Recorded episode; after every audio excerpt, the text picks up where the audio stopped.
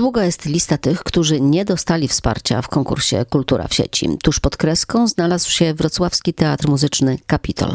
Dyrektor Konrad Imiela. Sytuacja jest taka, że nasz wniosek nie został rozpatrzony pozytywnie przez ekspertów kultury w sieci. Zajęliśmy takie mm, dosyć, dosyć denerwujące, irytujące pierwsze miejsce pod kreską, no ale trudno. Ja mam pretensje do, do czegoś innego, bo o tym programie mówiono. Pan minister Gliński mówił często, że jest to program, który służy wsparciu artystów. Natomiast no, też nazwijmy rzecz po imieniu, to jest normalny program grantowy. To jest program, e, konkurs na projekty, które otrzymają e, państwowe granty. I tutaj kompletnie żadnego znaczenia nie miało kryterium takie, komu teraz należy się bardziej wsparcie, kto bardziej potrzebuje zastrzyku finansowego, to kompletnie nie miało znaczenia, więc nie nazywajmy tego programu pomocą dla artystów w czasie epidemii. Okej, okay, to jest fajny, grantowy program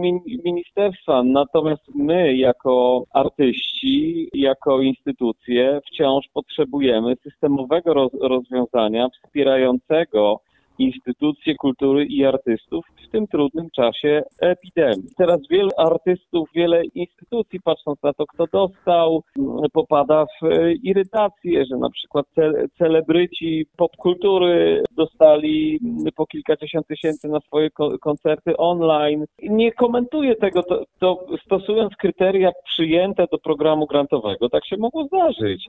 I teraz no, pytanie, czy to, czy to słusznie, że właśnie do tych adresatów trafią te, te pieniądze. No w myśl kryteriów przyjętych przez ministerstwo słusznie, ale jeżeli coś nazywamy programem wsparcia dla artystów, no to on po, powinien wyglądać jednak trochę inaczej. Odpowiada dyrektor Narodowego Centrum Kultury profesor Rafał Wiśniewski. To jeśli chodzi o teatry, 77 instytucji teatralnych to są teatry dramaturgiczne, to są teatry muzyczne, lalkowe, to są stowarzyszenia i fundacje, które działają na rzecz środowiska teatralnego, czyli to jest konkretne wsparcie, jeśli chodzi o o teatry. My zrobiliśmy wszystko, co w naszej mocy, żeby jak najszerzej do tego podejść i żeby zwiększyć budżet, bo chciałbym przypomnieć, że pierwotnie był ten nasze działanie było 15 milionów i zostało do 60 milionów zwiększone, więc y, no bym powiedział, to to jest dosyć pokaźna. Przede wszystkim tym punktem powinien być właśnie jakość tego projektu.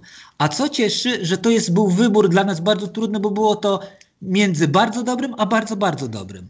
Mam wrażenie, większy nacisk został położony właśnie na te popularno-kulturalne działania, czy to spacery, czy też e, zwiedzanie, a mniej w tym jest takiej sztuki, no, że tak powiem, e, z tej górnej półki. Jest, jesteśmy tak z, z, z projektami tam, gdzie są nasi odbiorcy. Też e, moi rozmówcy zastanawiają, zastanawiali się, czy nie należało podzielić tego konkursu bardziej właśnie na branże, domy kultury z domami kultury, muzea z muzeami, biblioteki. Działalność biblioteki to coś zupełnie innego niż takie działania artystyczne.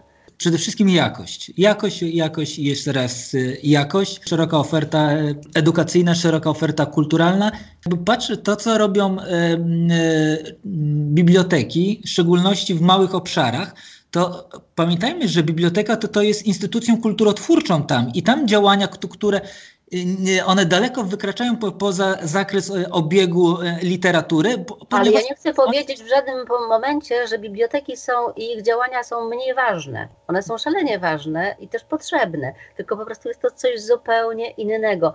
Być może, tak jak jeszcze raz powtórzę, trzeba było zrobić oddzielne kategorie Łatwo mi jest jakby mówić o wygranych numerach w Totolotka dzień po ich wylosowaniu. Do Totolotka wrócimy jeszcze za chwilę w wieczorze z Dolnego Śląska.